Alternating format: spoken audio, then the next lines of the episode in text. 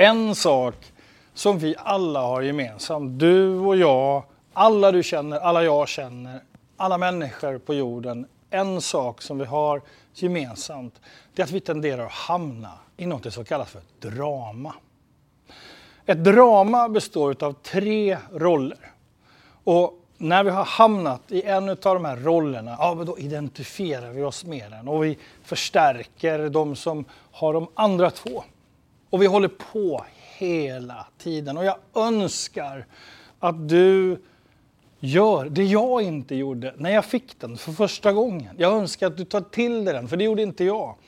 Jag fick den när jag var 23 år gammal. Och det var drama i mitt liv och det var massa saker som hände och det var en viktig person som ritade upp den här modellen för mig med tre ringar och linjer emellan. Och jag nickade och låtsades lyssna. Jag fattade ingenting. Förrän tio år senare, när, när mitt liv var i drama, det var en livskris och det var det här ner i källan och rota i det gamla och försöka förstå. Så. Du förstår vad jag menar, tror jag. Då dök den upp och då plötsligt insåg jag att det här har jag gjort hela mitt liv.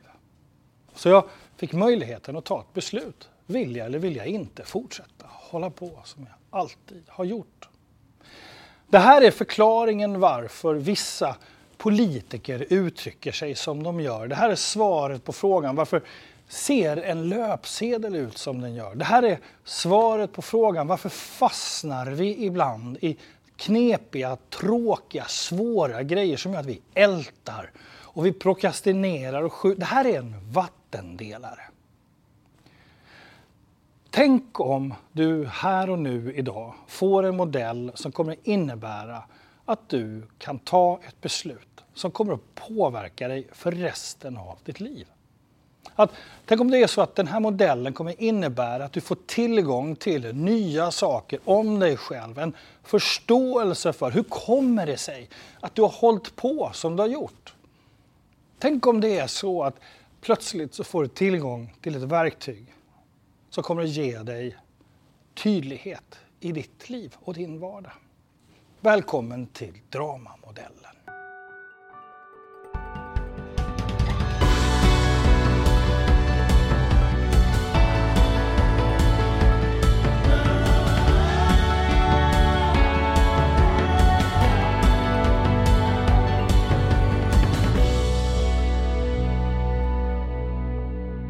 Har du någon gång känt att du har blivit lite för arg, känt dig orättvist behandlad och blivit lite grinig i största allmänhet? Ja, jag tänkte väl det. Har du någon gång upplevt att du tycker synd om dig själv, att du kommit hem och lagt dig på soffan och ömkat lite grann och uttryckt vilken jobbig dag du har haft? Lite för mycket för att få någonting. Eller hur? Har du någon gång lagt huvudet på sne och tyckt synd om någon annan? Precis. Det här är de tre rollerna i det som kallas för dramamodellen. Dramamodellen kommer från ett område som heter transaktionsanalys som är en teori, en kommunikationsteori från 60-talet. Men den här modellen, dramamodellen, eller Karpmans triangel som den också heter, är en vattendelare. När jag började jobba som coach så fanns inte det här som en teoretisk modell i de etablerade coachutbildningarna. Idag gör det det. Idag anses den här modellen vara en av de viktigaste modellerna för att man ska kunna vara coachande ledare eller coachande medarbetare, ha ett coachande förhållningssätt. För är man i drama, då förstärker vi någonting. Är man ur drama, då börjar man lösa upp och skapa framåtriktning, framåtanda. Om vi är i drama, ja, då fastställer vi och etablerar gamla strukturer. Men om vi faktiskt börjar utmana dem och börjar röra oss åt ett annat håll, ja, då börjar vi ta oss ut ur drama. Dramamodellen den består av tre stycken roller. Den första heter förövare. Och en förövare det kan också vara ett fenomen. En förövare är till exempel den här personen som jag ringer till min mamma och så frågar jag henne, så hur är läget mamma? Och då svarar hon, är det är inte så bra. Varför inte det? Nej, men det är grannen. Och det är nämligen så här att hon är intresserad av grannen. Hon vill skapa lite mer kontakt med honom. Han är inte så intresserad av det. Och då plötsligt så blir han hennes förövare. För han har inte svarat. Han har inte gjort vad hon ville. Jag kan, så förutom det då, mamma, hur är läget? Nej men det är inte så bra. Nej, varför inte då? Det regnar. Och då är regnet plötsligt en förövare. En förövare kan alltså vara en person, det kan också vara ett fenomen. En ledningsgrupp kan vara en förövare som kommer ut till verksamheten med besked som är svåra att ta och då förhåller vi oss till det. Drama pågår hela tiden och du kommer efter den här lilla genomgången att få ett ansvar. Och det ansvaret är att börja välja vilka drama vill du vara en del av och vilka är det dags att avsluta. Vilka drama är det dags att kliva ur. Den andra rollen, det är ju offret, det vill säga den som drabbas av förövaren. När förövaren säger så har vi ett tydligt offer. Offret är min mamma. När jag ringer och frågar henne hur är läget, hon svarar det är inte så bra. På grund av att hon har en yttre omständighet. Som. Ett offer kan ju vara alla de här människorna som är drabbade av olika saker. Men det är ju när vi börjar identifiera oss som offer som det blir problem. Självklart så är det synd om många människor där ute. Självklart så behöver vi finnas till för varandra. Men inte på bekostnad av dem.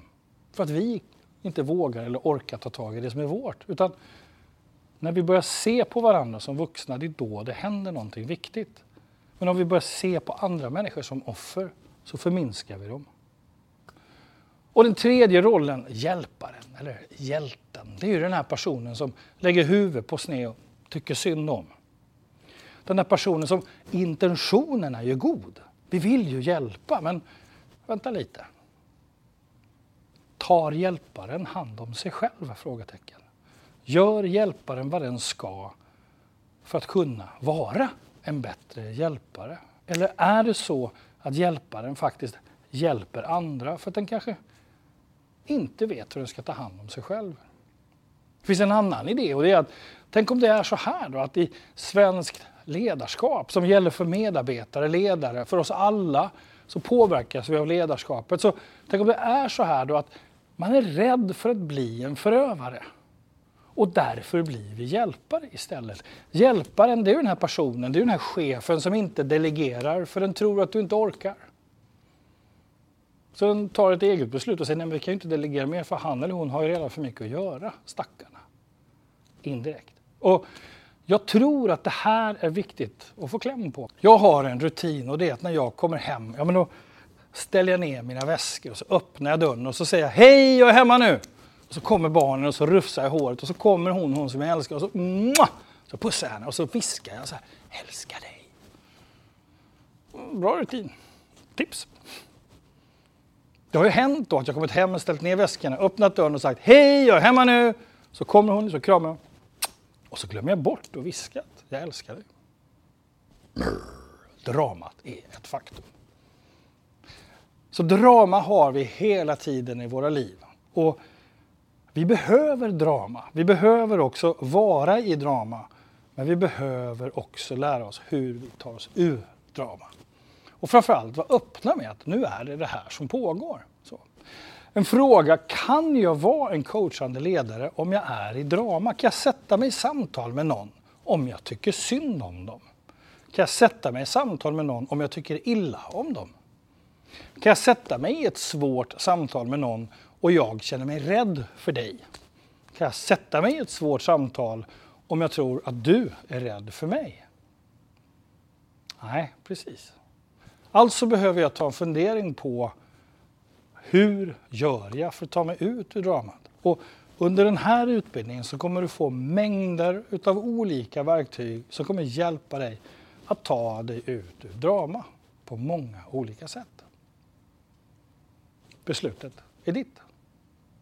Vi skaffade hund, en liten hundvalp som väldigt snabbt blev en stor. Det visade sig att leonberger bland ras blir stora vovvar. Och då säger jag till mina barn, 7, 8, 9, att hörni, stäng dörren till era rum. För hunden, det finns ju en risk att hunden kommer gå in i era rum och äta upp någonting.